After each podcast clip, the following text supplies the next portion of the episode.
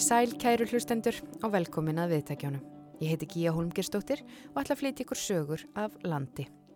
Og í þessum þætti ætlum við að huga að ávaksta ræktun og ferju siglingum.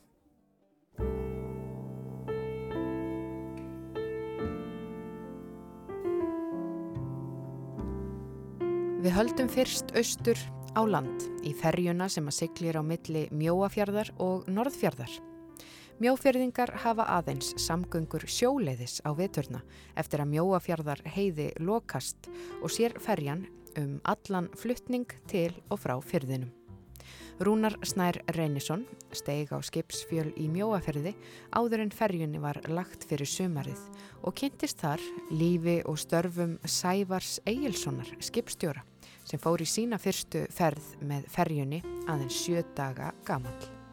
Hann tók við siglingunum af bróður sínum en fadir þeirra hóf siglingarnar árið 1954. Við göngum um borð í Björgvinn. 645. Já, góðan dag. Það er út á mjóðafyrði. Þrýrum borð. 645 út frá Mjóa, þrýrum borð, á móti gitt. Jó, takk. Þá erum við löglegir á sjó. Já, ég heiti Sævar Eilsson og bý í mjóðafyrði. Við erum með borð í bátnum Björgvinn sem að er með, er með áallanarferðir á milli mjóafjörðar og norrfjörðar tvísar í viku átta mánuðið það er að segja þess að þennan tíma sem að er ófært yfir heiði mjóafjörður heiði Og hverju nýta sér þessa þjónustu? það eru nátt fyrst og fremst mjófyrringar bara sjálfur yfir veturinn þegar að er ófært yfir mjóafjörður heiði þá eru öll aðföng með þessum áallanarferðabát póstur og, og farþegar og, og mjölkiðun og lísið og, og apotekið sem við þurfum. Það er mjög gott samband við kjörbúðina og, þessar verslanir að þau bara ringja og, panta. Og svo er það tekið til og eins og í kjörbúðinni sem við hefum mjög gott samstarf við. Verslanarstjórnin kemur bara með vöruna á ákveðnu tíma á bryggju og við tökum við og setjum í kar og síðan er það hýfað um borði í bátinn og, og við siglum og svo hýfað upp á bryggju og hver sækir sitt En svo er hérna einn stoppistöð á leiðinni svona sem að þar sem stundum er komið við ef að ófært er innan sveitar í mjóafyrði. Jú, jú, það er Dalatangi sem er okkar viðkomustadur þegar að vegurinn er ófær og þá förum við með postinn og, og vistir þangað að því gefnu að það sé lendandi. Það er að segja að það sé hægt að fara í land á gúmibát og svo koma þær niður á klappir sem við leggjum stað og það þarf að vera mjög gott í sjóin. Það má eiginlega bara nánast engin reyfing vera til þess að sé hægt að, að lenda þar. Sko. Það var að til dæmis bara í vetur það var, það var ótrúlega langt á milli ferða sko, hjá okkur upp í þrjár vikur. Það þætti sömum nokkur langt á milli postferða. Hvað búa margir í mjóafyrði? Svona samkvæmt síðustu talningum. Það sé ekki 12 og svo voru hjá mér tveir portugalir sem voru, annar var á bátnum og hinn var að vinna hér í, í fiskvinnsluna hjá mér. Það hefur verið þá 12-14 eins og Fúsi myndi segja. Það er hérna, og já áfram þetta með Dalatanga sko, þær eru náttúrulega tvær, þar maður sem búa, Marsebill og Aðalheður. Og þær eru, myndi ég segja, mjög næjusamar með að samgöngur og, og svona fá póstinn sinn og það til sín og kaupskapinn sko. Það. Einmitt. Og við höfum nú rætt við þær maður í, í þessum þætti einmitt á vitaverðin á Dalatanga. En uh, lístu nú aðeins fyrir okkur leiðinni, hvert eru við komni núna? Við erum komin út, fyrir, eða út að Hofi sem við segjum, sem er hér norðan megin fjörðar, eða bílíkamalt. Við erum búin að segla hér í kortir, eða dæflega það. Þetta er uh, klukkutíma sigling og siglt uh, um sem sagt Mjóafjörð fyrir Norrfjörða nýpu, inn Norrfjörðarflóa og inn í Norrfjörð og lagst þar að bryggjum. Og leiðinni þá dettum við úr fjarskiptasambandi þar að segja að það er ekkert farsímasamband á ákveðnum stöðum á leiðinni. Já, því nú er. Við erum í mjög góðu sambandi hér en þegar við erum búin að sigla hér fyrir nýpu þá dettu við úr sambandi í einar 20 mínútur.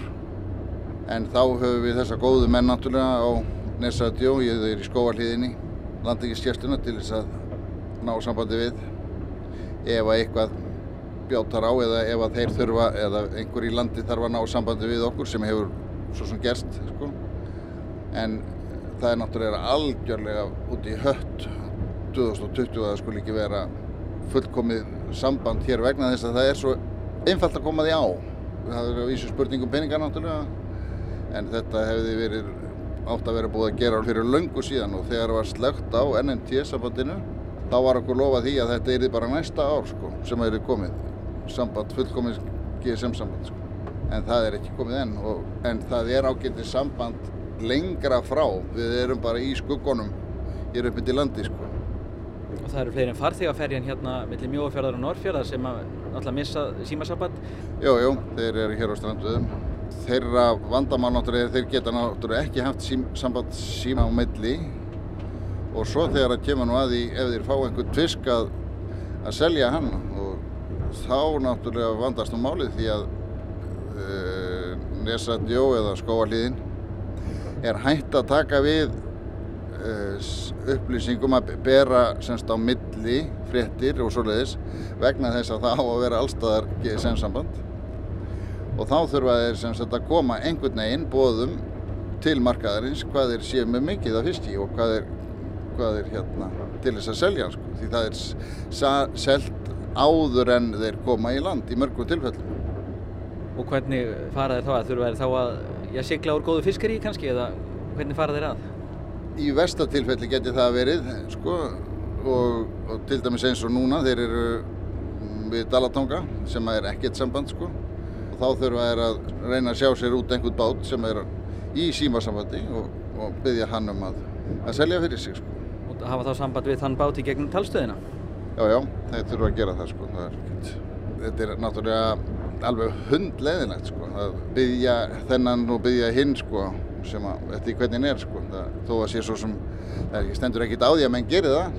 Þetta er náttúrulega bara, í staðin fyrir að geta bara ringt í markaðin og, og, og sagt hvað menn eru með. Björgvin Lartun, er þessu sögðar? Lagsinn, Björgvin, já, já, heyrist hátt og skýrt í þér. Herru, ég sé bara ekki raskat. Bara venda verið mig. Já, ég skal reyna það. Láta það koma. 200 kíló blanda á góður. 200 kíló blanda og 50 kíló ansimál. Uh, 200 blandaður góður, 200 kíló blandaður og 50 kíló undimál. Segju það. Heyrðu, mannstu númerið þarna hjá hann Jóa? Ég man bara eitt síman og tvö símanúmer. Það er hjá mömmu og segður um mórun. En þetta er niðurskrifað hérna býttu. Það er 892 46 22. Já, sæl. Já, er þetta ekki fiskmarkaðurinn? Já, sæl. Heyrðu, við erum að melda hérna fyrir laxinn tilbúinn. Það er 200 kíló blandaður góður, 200 kíló blandaður og 50 kíló undimál. Hvað ætlar að fá fyrir þetta? 200 pluss. Það er gott. Heyrðu, þú selur þetta. Já, takk bless. En nú varst að tala við fiskmarkaðin, fá þeir sæmilegt verð fyrir fiskinn? Það er aldrei nóg. Það er látt fiskverð sko. Hann vildi nú ekkert gefa um það hvað hann myndi fá fyrir það. Það er ómálund að segja sko. Það, það hefur verið heldur á niðurleið og menn hafa verið svona, já, ekkert ofánaðir sko með fiskverðið. En af hverju þurfa þeir að selja fiskinn svona strax? Af hverju má þetta ekki býða þannig til þeir komi í land?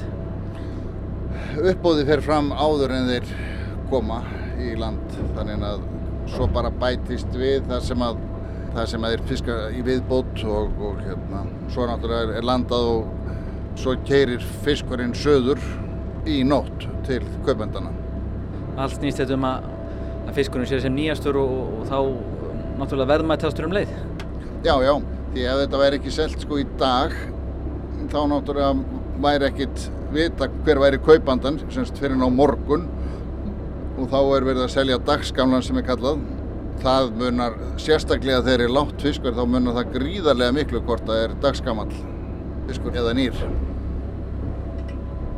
Hér eru við að segla fyrir, fyrir hérna Hafnandonga, förum hérna freka grundaninn að ég þarf svona aðeins að hafa hérna huga við það sem ég er að gera meira heldur en bara að kjæfta eitthvað út í loftið. Já, já, þá bara fylgist ég með þér. Já, já, þetta er nú auðvelt í góðu veðri hérna. Það, hérna við mættum ekki fara svona grönt í ef það er í bræla, þá myndum við gera farþegan sjóvíkan illa.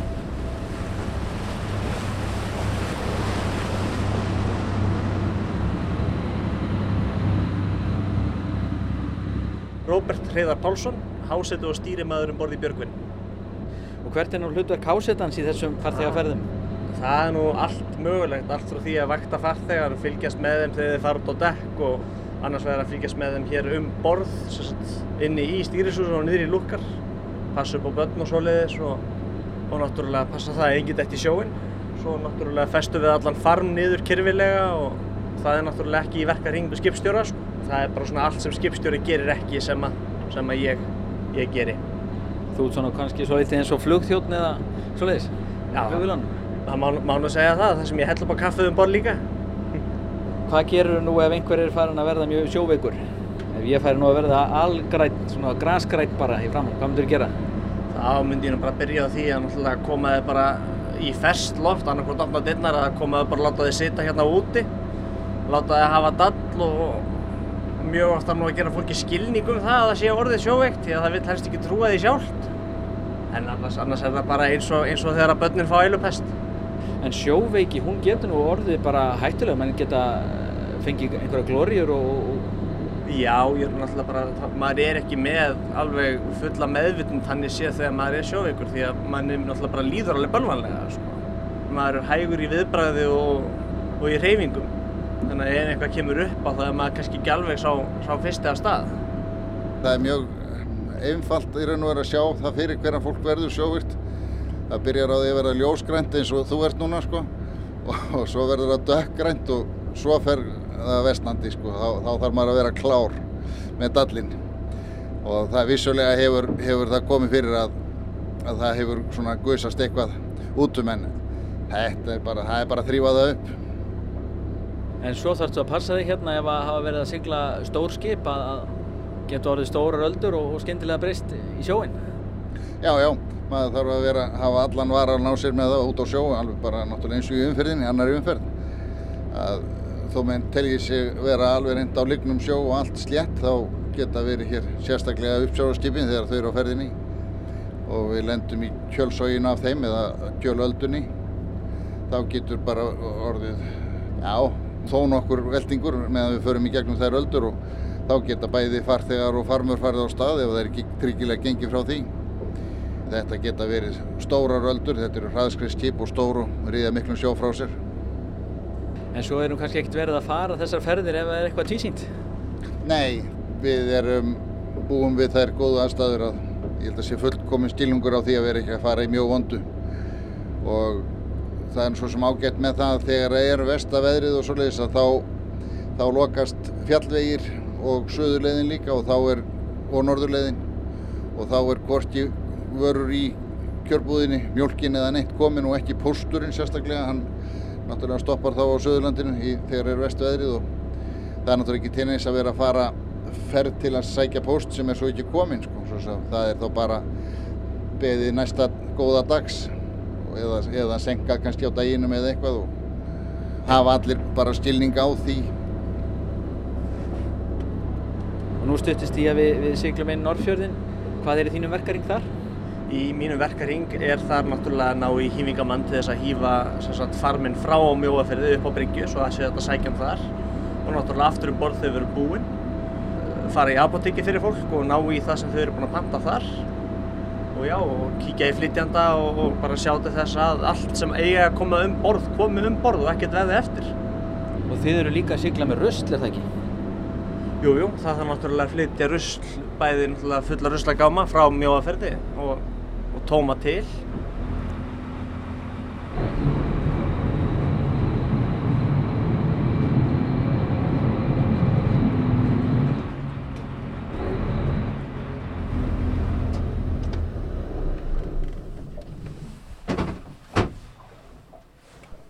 Nes 2645 2645 Já, við erum í höfna á neskustu Hérna er sko stöð, móti ekki. Kemur ekki Róbert þarna? Já, Þú voru að setja meira kaffi í gang. gamla, gamla, þetta er gamla gengi. Já, allir hann sitja að koma með að klika. Jú, Rúbi. Þú verður með, þú verður að geta egg fram á jól. Já, En nú er búið að slökka á bátsvélinni, þá er það bara kaffivélinn sem fer í gang, hérna í Neskustad. já, já. Og fasta gestinni komni hérna að mæta hérna hver á þetta öðrum. Góðan daginn. Gjör svo vel. Hver eru það sem að kíkja hérna við þegar að mjóafjörðarferðin kemur? Það er bara þó nokkuð svona sem að, uh, er á erindi við okkur. Það geta verið þeir sem er að koma með dót og, og, og sækja svona. Þessir eru nú, þessi heit, annar heitir Ólafur Hansson Víum, senast ábúandi á Reykjum. Hann kemur nokkuð oft. Og hinn heitir Róbert Jörgensen, smiður hérna og nörgustad. Sumir hafa bara gaman að kíkja á ykkur. Já, já, og við ekki síður að hitta eitthvað fólk, sko. Er, og svo hérna, svo náttúrulega að segja þeir manni fréttinnar og svo reynir maður að miðla þeim til heima fólksins, sko. Ef það hefur eitthvað spauðilegt séð hérna á Norrfjörði, eða þeir hafa gert eitthvað af sér eða eitthvað, þá reynum við að hafa það með okkur og segja skemmtisögur á Norrfjörðingu. Og einhverjar sögur slæðast nú frá mjóðafyrði til þeirra. Góðan daginn. Ólafur Hansson heiti ég. Þetta er náttúrulega fólk sem ég þekki alltaf frá því ég var krakki. Mér að segja sævar þegar maður er reyfum, þá vekti ég. ég var hjá Ammas í skóla. Við hafa nú ekki beisin skólaganga allur sunnafur. Það var einhver, það var einhver farkennar að neitt svo leiðis. Og gott kaffi hérna í, í ferjunni. Já, já, já, ég er- kíkja oft neyrir eftir. Og þeir eru svolítið að fá okkur í nefið. Stundu gerum við það. Eitthvað að resa sig. Þetta er bara tilbreyting. Eh, Óli var að koma hérna með gæsaveik sem hann týndi upp á Jökuldal. Og það var í skiptum fyrir rauðmaga sem hann fær á vorin hjá mér. Og þetta er svona vöru skipti sko, það er báðir njóta. Ég fer oft til kunningja mín og týnir nokkur egg á vorin upp á héræði og Róbert líka. Þessi smið, eða smiðurinn. Hann er nú ekki ákunnum við mjóða fyrir Ég heiti Róbert Jörgensen. Ég bara kíki hérna á heimsækið á svona annars leiði sko. Gaman að hitta og ég stríði á því að maður geti stilt klukkuna sína eftir komu þeirra hérna til Norrfjörða sko. Þeir eru svo nákvæmlega á tímanum alltaf sko.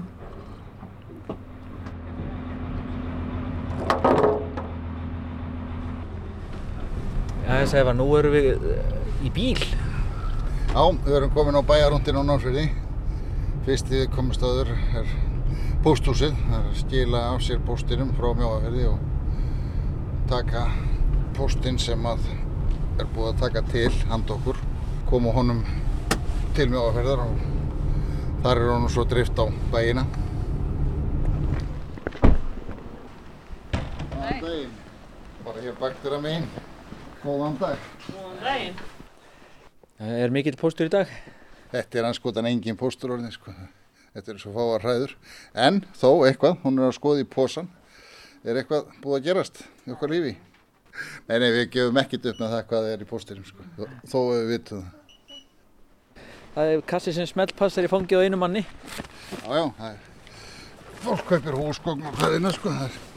Pósturinn er alveg samkeppnishæfur í burðargjöldum við, við hinn fyrirtækin, sko. og Fólk nýtir það gjarnan, sko. Ef einhverju mjófyringi dittinu í huga að kaupa sér sófa, myndur þú þá sigla með hann? Jú, jú, jú, ég sigli með allt. Það er ekkert, ekki spurningu það. Við höfum gert það sko, rúm og annað sko.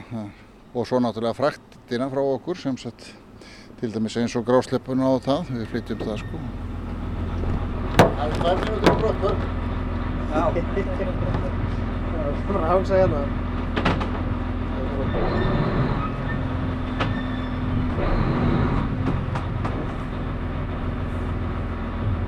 En þetta er nú kannski ekki mjög stór farþegaferja, er þetta ekki bara svona venjuleg trilla, nú hef ég ekki vitað á bátum. Já, þetta væri eins svona kallað bátur, þetta er 15 tonna bátur. Passar svo sem ágætlega held ég í þessar ferðir, þetta er nú, við megum taka 12 farþega sko.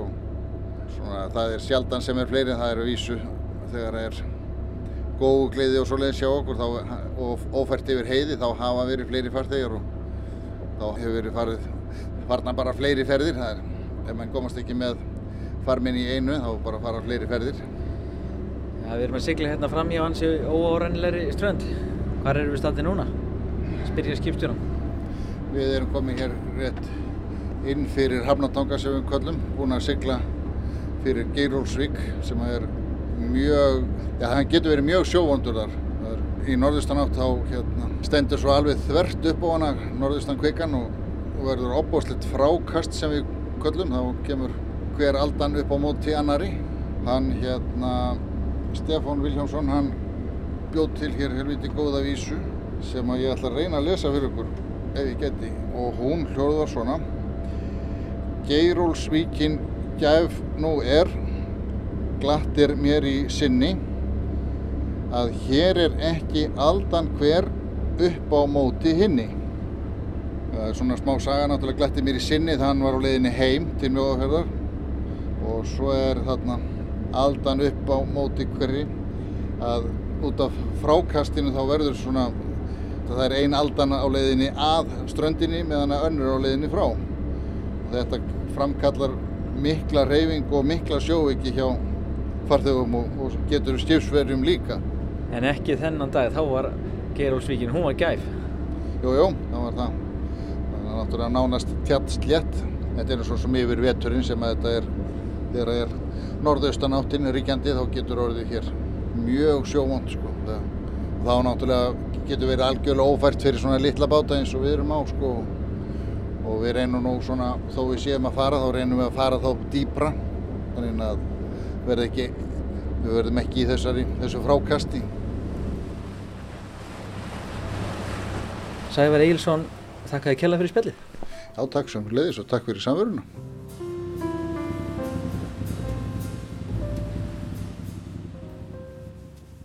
Þarna rætti Rúnarsnær Reynisson, fréttamaður á Austurlandi, við Sævar Eilsson, skipstjóra á Björgvinni, ferjunni sem að siglir á milli Mjóafjörðar og Norrfjörðar.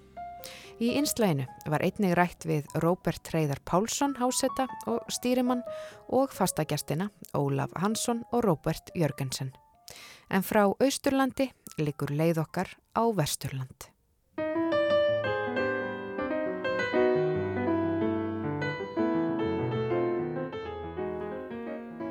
Á Akranesi í bakgarði rétt fyrir ofan sjáarsíðuna má finna yfir 40 tegundir af eplatrjám sem gefa af sér 100 ávaksta á hverju ári.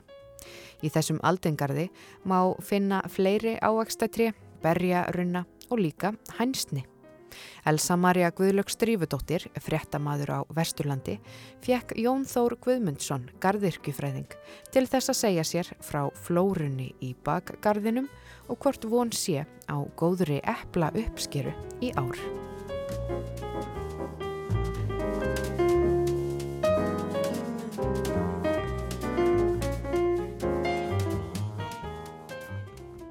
Byrja kannski bara á því að spyrja þig, hvað var til þess að þú fórst í gardirkjuna? Já, ég var að taka einhverjum tímapunkti ákvörðun sem margir lendi í sem er þessi hvað ætlar þú að vera þú eru stór og ég þurfti að fara að hugsa á tvent í spilinu í mínum huga ég gæti nú ekki gert svona eins og eðlilegt fólk að fara bara svona eitthvað kannski smíði eða eitthvað vennulegt sko þó mér finnst gaman að smíða. Pappi minn er smíður og afi og flestir. Það hefði kannski leiði beinast við en ég var með eitthvað aðra hugmyndir. Og það var tvent bæði garðirkjar náttúrulega því að ég hafði lengi haft áhuga á bara plöntum og plöntu uppeldi blómum og svona dóti. Byrjaði svona 7 ára eitthvað að fyrta í, í plöntum safna plöntum og reyna að finna sníðarplöntur. En svo var annað sem ég langaði að líka í og þú kannast kannski aðeins, við það er myndlist. Það var þetta tvenn sem var í stöðunni og ég var að klóra mér í hausnum og ég vissi myndi hvort. Ég fannst nú myndlistin eiginlega skemmtilegri en hitt var kannski praktískara. Þannig að ég var bara svona ákveð á akkurnu tímapunkti hvað ég ætlaði að vera þegar ég verið stór því að maður verður svona, það er svona skemmtilegar að hafa ykkur að sína á það og þetta var niðurstaðan þannig ég byrjaði reyndar að læra eiginlega fullorðin sko, ég var um þrítugt í námi sko. Þannig að ég hafði svona smá tíma til þess að verða stór og klára að vera lítill og það gekk svona misvel eins og gengur. Og hérna var ekki búinn að ljúka námi beint sko, ég, mín námsganga eða skólaganga hún var frekar stutt og snautleg og endaði með því að ég var reykjun á skóla þegar ég var 14 ára. En svo fer ég, þroskast ég aðeins og róast og fer aftur semst í kvöldskóla og tek það sem ég þarf og, og, og, og fer í gargjurskólan þá er ég sko 28 eitthvað svo leið sko. Þannig að já, þá var ég búinn að vera barn og úlingur og orðið svona aðeins stabili endaði semst í þessu. Og sé ekkert eftir því. En hérna, ég ætla kannski bara að fara beint í gardin þinn, hann er Já. svolítið svona markbrotin, hvað hérna, hvað ertu með í gardinum og hvað eru verið lengi að byggja hann upp? Vi, við kaupum, við Katrín konar við kaupum þetta hús eh, fyrir 20 árum.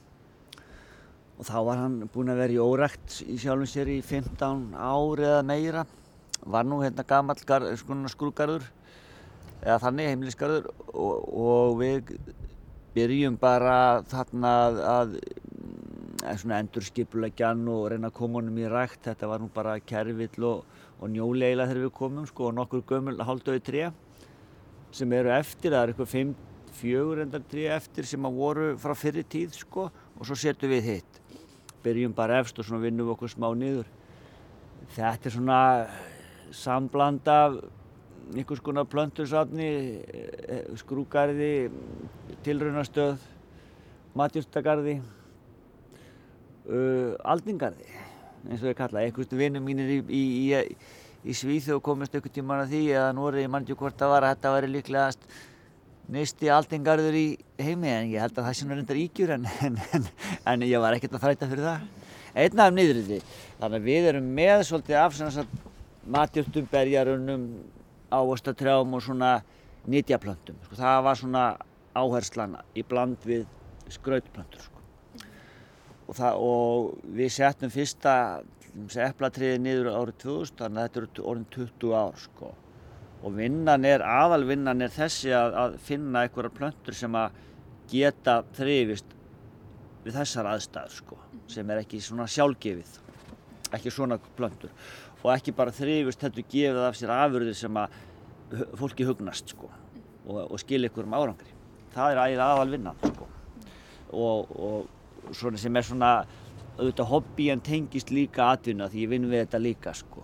Þetta er svona all in sko. Ummitt. Það segir. Já. Og hvað, hvað tók það í langan tíma að finna plöndurna sem að þrýfast hérna og, og, og hvernig eru þær að þrýfast í dag? Hvernig gengur þetta hjá þér? Það gengur vel að ég, við vorum, ég var nú ekki kannski einn alveg í þessu, ég hafði nú svona samráð og samskipti við kollega og ég var í mest eitt sko. Það gekk vel, það, við vunum góða heimildavinnu eða já, höfum góðar heimildi frá Norðurlöndunum og Kanada og Alaska byrjum bara að sapna upplýsingum sko, hvað er líklegast, hvað er til í landinu og hvað er hægt að fá það sem að vantar sko. Mm -hmm. Og sumt var til í landinu, það voru fleiri sem að, uh, voru að leita að efni, annað fengu við og, og svo er bara komað í, í pröfun sko. Og það tekur kannski svona tíu ár, eitthvað svo leiðis allavega. Áður en það er eitthvað margtækt, það bara gengir vel sko. Sum af trjánum sem við fengum fyrst eru ennþá einaðum bestur sko og það er bara því að heimildavinnan og undirbúinisvinna var góð sko. Það var ekki bara tekið eitthvað sem maður fegst í búðinni, heldur var það að sækja það finna það annarkort hér á landi eða í útlöndum og, og, og, og finna það sem var líklegast sko. Því að til dæmis ef við tökum með eplin sem dæmi að þá eru til 10.000 sortir í heiminum, kannski eru 50 sem eru góðar hér, það væri alveg hægt að missa sér í ykkur ruggli sko. Mm. Fá, fá bara eitthvað frá Hollandi eða eitthvað sem hefur borist líka og virka bara ekki nógu vel sko. Þannig að við þurfum að horfa til Norex sérstaklega og Alaska og Kanada og slús. En þá kannski að við höldum okkur og förum aðeins lengra með eplin. Hvers konar epli eru þetta sem vaksaði hér? Þetta eru bara alls konar svona norrannar sortir sko sem að, eins og ég segi, sem að hafa reynst vel í þessum löndum. Þau eru flest sko hargerð og svona þurfa þróskast við stutt sömar. það er nú kannski aðal fókusinn hvað, hvaða epli ná að þróskast við cirka 12 gráðu meðalhitta sem að við getum reiknað með að sé í svona sæmilugum gardi þannig að því nú ekki að bera ángri en, en, en svona sæmilugu gardur á að geta skila svona 12 gráðu meðalhitta frá 1. mæ til 1. óttúber og það er bara svona svo örfáar sem að geta það sko og líka bara við lágan meðalhitta sem að eins, eins og þennan að, að, að ná fullur í stærð og, og þannig að þetta sé eitthvað til viti í þessu. Það er ekkert mál að fá grannjaksla en, en, en það er ekki nóg, við viljum fá eitthvað alvöru. Þannig að það hefur gengið ágætlega en, en, en þá er það bara sagt gott skipulag og undir, góðu undirbúinisvinna að finna hvað er líklegast sko. Ég þakka því aðalega fyrir það sko. En hvernig eru þá eplin? Eru þau eins og þessi epli sem við kaupum út í búð eða? Já, ég, ég, já, þau eru það sko, þau eru bara náttúrulega alls konar samt. Mm -hmm. Þau sem við kaupum í búð, það eru svona nánast svona landbúnaðar eða yðnaðarsortir sko sem að líta vel út og seljast vel sko, menn kaupa svolítið með auganu sko. Í sögum eplinu sem við erum að rætta eru sjálfum sér fórljót sko, en önnur eru falleg.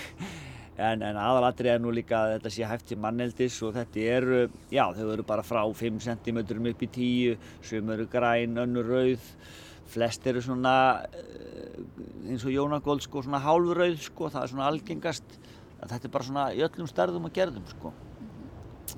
Já, aðalatri finnst mér að þetta sé sæmilega ætt sko, frekar en stærðin sko, en, en sumur er líka flott fyrir augað sko. Og hvernig er svona meðal uppskeran hjá þér hverju ári? Hún er nú mismunandi sko. Það sem að ég er aðalega að vinna í það er að fá eitthvað á hvert tré eins og þú sér trén hérna hjá mér þá er bara eitt af hverju sort. Og ég sjálf sem nægi mér kannski tvö eppli á hvert til þess að svona meta þroskan og, og tímasetninguna og annað meðal uppskjaf, þetta er einhver hundruð svo sem sko, en það er misjamt að við fáum líka slæmár þá sem þeir eru kannski 15 sko, en sem mest er kannski svona 400-500 eitthvað svo leis og, og oft einhver stað svona þar mitt á milli. Við höfum núna síðustu tíu árum fengið sko tvö sömur sem eru mjög kold, bara í 100 ára samengi sko, menn tala nú oft um sko global warming sem, að, warming sem er náttúrulega alvöru mál, en svo koma líka kold sömur allavega hjá okkur og og kannski næri þetta ekki alveg til okkar svona, stab, svona stabílt allavega þessi hit, hitnun sko. En, en, en það 2013 og 2018 voru til dæmis mjög kold þannig að þá eru bara kannski einstaka sortir sem að ná kannski bara þrjár sortir sem að ná svona, svona þokkalegum aldinum sko, hinar eru bara með grænjaksla sko En þetta er líka árin sem eru svona lærdómsríkust. Þannig að ég, mér, finnst alltaf gaman að svona skýta sumrið til að sjá hvað virkar þá, sko. Ég veit hvað virkar í góðu sumrunum, en ekki hitt eins og vel. Þannig að uppskerubresturinn er lærdómsríkur? Já, það verður aldrei verið alveg, en, en svona eins og 2013 þá voru þrjár sortir af eplum sem voru sæmilega góðar af 40, sko. En það, þá var líka svolítið lærdómur fengið með því, sko. Hvað virkar í skýtasumri. Þá get ég líka hugsað já, ég, hvað virkar lengst út á landi sko, sem sumarið er stittra sko.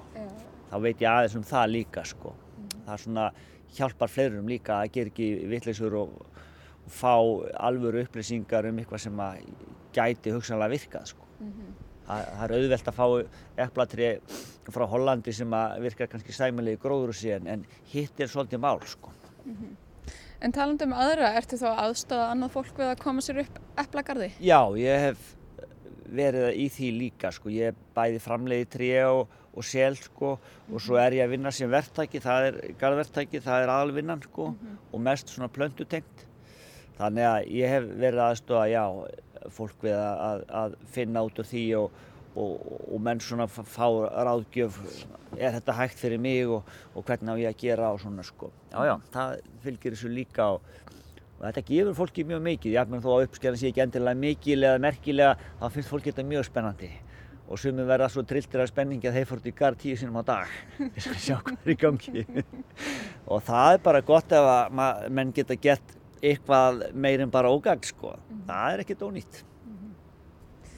Ummitt, en ef þeir eru að fá kannski nokkur hundru eppli á ári, hvað gerir við allir þessu eppli? Eru þið all borðið hérna heima við? Nei, ég gef nú svolítið af þessu og svo líka, ég hef náttúrulega borðað mikið eftir sjálfur. Svo er nú hægt að þurka líka. Það er hægt að frista og ég hef nú ekki gert það. Og svo er já, ég er svona gaugast af fólki og svo er ég að nota þetta bæði til þess að fá aðra til þess að meta með mér kannski líka. Þannig að ég sé ekki alltaf bara að semja við sjálfa mig sko. Það er alltaf svolítið vond sko, maður þarf að fá líka ráð frá öðrum en ég var, já, aðalega verið að nota þetta sjálfur og gefa þetta og svona og sömti kannski ekki hæft einu sinni til manneldir sko, þá læti ég hænutnan geta eða eitthvað. Eins og gengur. En umveit, þú ert náttúrulega með fleira en eppli, er eitthvað tilröndastar sem í gangi hér einmitt núna?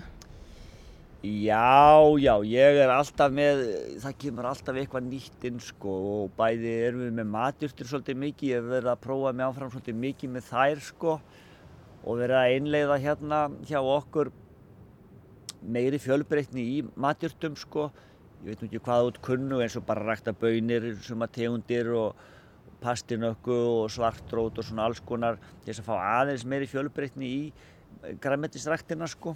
Mm -hmm. og hérna og við, við verðum með það alveg í 20 ár sko. Og, og líka bara eins og tómata, það er nú fleiri kannski í því við höfum verið að prófa þá svona harkirðari og, og allan fjáran sko til þess að líka svona já þetta verði svona aðeins fjölbreyttar og gefi kannski meiri möguleika og og veki áhuga og svona sko sem við vilja kannski ekkert endilega borða bara róur og karteblur sko við vilja fá bönir og eitthvað svona eitthvað annað sko, kúrbít og fleira sko sem við höfum verið að prófa líka sko mm -hmm. þannig að þetta er svona að því við borðum líka mikið græmiti sko mm -hmm. og það er alltaf betra að sé fjölbreytt mm -hmm.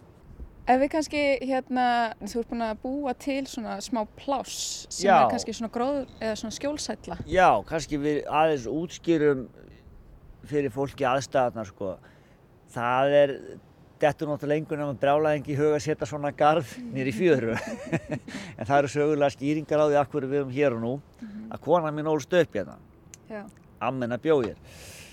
Og þá enda maður það náttúrulega sem að konan vil vera, eins og gengur. Góð hjónaböndum. Já.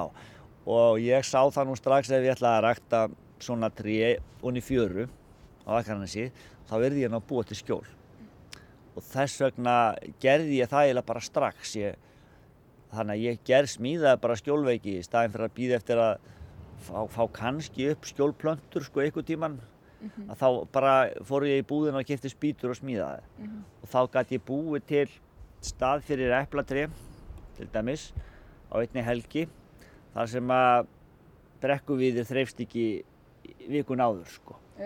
Bara, bara við að fá þetta skjól. Svo reynir ég að nota það til þess að losna við til dæmis salti sem kemur hérna yfir og svona þess vegna rækta ég mínar plöntur alveg svona þjætti upp í skjólið eins og ég get sko. Mm -hmm. Það er ekki, ekki forsenda fyrir því að rækta svona tré en, en það svona hjálpar sérstaklega hvert saltrókinni hérna. Mm -hmm. Þannig að ég varði eiginlega að búa til svona sæmilegar aðstæður áður en að þetta byrjaði almennilega sko, mm -hmm. til þess að þetta þrifist sko og svo bara prjónaði þetta svona eftir hendinni sko. Þetta svona, var svona tilvílinum háð hvernig skipulagið endaði sko. Og, og við erum með líka gróður sem við erum að prófa þá plöntur sem kannski eru í uppeldi og, og eru aðeins viðkvamari.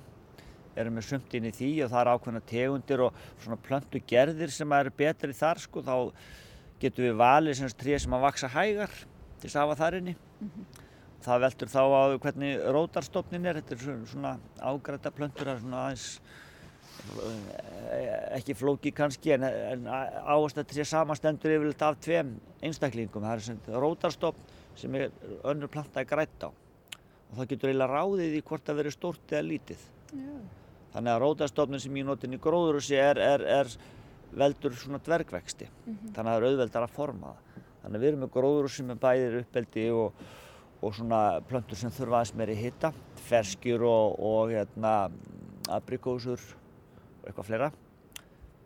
Og nú svo erum við með hænur náttúrulega líka, þetta tengist allt svolítið, við höfum alltaf verið með sko molt og jarðgerð og svona og, og, og alveg frá því við byrjum að búa. Þannig að þetta tengist allt svona aðeins saman sko. Mm -hmm. Hænurna borða afganga og arfan úr garðinum og svona og það er verpa fyrir mig í staðinn allir glæðir. Þannig að þeir eru búin að búa til okkar hringrás hérna í gardinum? Já, það er svona eitthvað smá vísir af hringrás allafanna, þannig að það þarf minna að, að sækja og, og, og minna að fara með sko. Þannig að það, við höfum aðeins verið svona stútir af það líka í gegnum tíðina sko. Og vera ekki kannski að eitra mikið eða bera mikið á af, af kemiskum ábyrði eða svona kannski eitthvað eftir aðtökum svo sem en, en, en svona reyna að, að láta hringar á svona virka eitthvað. Og taka tillit líka til til til dæmis annara lífæra. Nú sjáum við til dæmis humlur hér út um allt sko og ef maður er til dæmis að eitra mikið svona af óþörfu þá er maður náttúrulega að spilla því öllu sko. Kannski er þetta að eitra svona í hófi ef það er eitthvað sérstakt en, en, en þá að passa sig að, að vera ekki alveg svo bandít sko. Nei, einmitt. En þetta eru náttúrulega mjög fjölbreytt sem er hjá þér. Er þetta mikil viðvera að hugsa um þetta? Já, það er, er svolítið sko og það skapar ákveðið vandamál því ég vinn við þetta líka og ég vinn til tíu á kvöldin og þá á ég eftir að fara í garðin og ég vinn líka til tíu á kvöldin og sunnudöfum. Þannig að þetta er smá problem að fá þetta til að fungera en ég, ég, hef, ég held í ljós til lífi sæmilega sko því ég hef miklu meira ork á sömurinn í sólinni. Þannig að ég vinn langa vinnúta og svo fæ ég líka starfsmenn, ég er með nokkar starfsmenn og, og svo ég krakka og þau, ég næja vel að þær svona aðeins til þess að hjálpa mér sko. En, en það er nú ekki vinsalt að reyta arfa. En ég fæ aðstóð já já en ég verði eiginlega að vera með svona hálgilding starfsmenn í því með mér sko. En svo kemst ég svona stund og stund líka. Reyna að taka svona einn fyrir sunnudag og, og svona ef ég kemst svona að, að, aðeins að milli En eins og þú segir, þá veldur uppskeran svolítið á sumrinu. Hvernig líst þér á sumari núna? Já, þetta er alveg röggrætt sko. Það er sumar, sumar hiti neila, stýri því nokkurt veginn. Mm -hmm. eh, sumari fer nú hægt að og það er kallt. Veturum var kaldur og það var mjög erfiður fyrir tré. Það var mikið móveður og svona tíðafar sem er bara óheppilegt fyrir gróður, sko, sérstaklega trjágróður. Þannig að sumari fer samt ágætlega stað og því að plöntur búa enn af sumarinn í fyrra. Mm -hmm. Og sumari í fyrra, það stýrir sko blómmagninu í ár. Af því það er undirbúið árið áður. Í raun og veru er blómið tilbúið í bruminu haustið áður. Mm -hmm. Svo opnast það bara núna. Þannig að gott sumari fyrra, það hjálpar til núna. En, en hins vegar kuldinni vor hann senkar í aðeins. Við erum svona held ég 5-6 dögum á eftir meðalárið því ég skrá alla blómguna tíman sko. Ég á það alveg 20 ára aftur tíman hvernig þetta trið blómstræði sko, mm -hmm. sem við sjáum einhver starf hérna. Þannig að ég veit það alveg, þannig að ég get séð það. Þannig að við erum svona held í 5 dögum á eftir, það er ekkert voðalegt sko. Mm -hmm. Þetta gæti lítið út fyrir að vera verra sko, með að við svona kuldan sko, en, en það er svona um það byrjum 5 dagar. En þarf að hlúa betur á þeim þegar tíðin er verri eða? Nei, ég gerir það nú ekki því að ég þarf að sjá hvernig þetta funkar bara í praxis sko. Þannig að ég er ekki mikið, ég gæti náttúrulega sett akrildúk yfir þess að hlýja þeim aðeins en þá er ég búinn að ruggla samanbörðin sko. Mm -hmm. Þannig að nei, ég ger ekki neitt sko. Þa, það, það verður bara að koma sem kemur sko. Það er, og maður verður að taka niður stöðinni alveg sama hvernig mann man, man líkar hún sko. Hvað er best og, og hvað er vonlust og þetta er ekki, já þetta, þetta verður að vera svoleið sko ekki fyrirfram ákveðið neitt heldur ma maður að lúta nýðustöðinni. Og bara una því hvernig hérna, tíðin er og já, hvernig þetta gengur? Já, og sætta sig við það að stundum gengur bara illa sko. Það er eiginlega sama hvað það er, það, hvort að það er sjómennska eða, eða sögfjárrækt eða hvað, stundum er bara ótíð og bara eila og maður er bara vera maður til þess að taka því. Jón, takk fyrir að spjalla við mig um þetta. Takk fyrir að koma gaman að fá þig. Elsa Maria Guðlöks Drífudóttir rætti þarna við Jón Þór Guðmundsson, gardirkju fræðing, um flóruna í bakgarðinum hans á Akranissi. Í þættinum var einnig silt með mjóafjörðarferjunni Björgvini, þar sem rætt var við Sævar Egilson, skipstjóra, Róbert Reyðar Pálsson, háseta og stýrimann og fastagestina Ólaf Hansson og Róbert Jörgensen. Og þar með er sögum af landi lokið í dag. Tæknimaður í þessum þætti var Einar Sigursson. Við þökkum þeim sem hlýttu Lifið heil.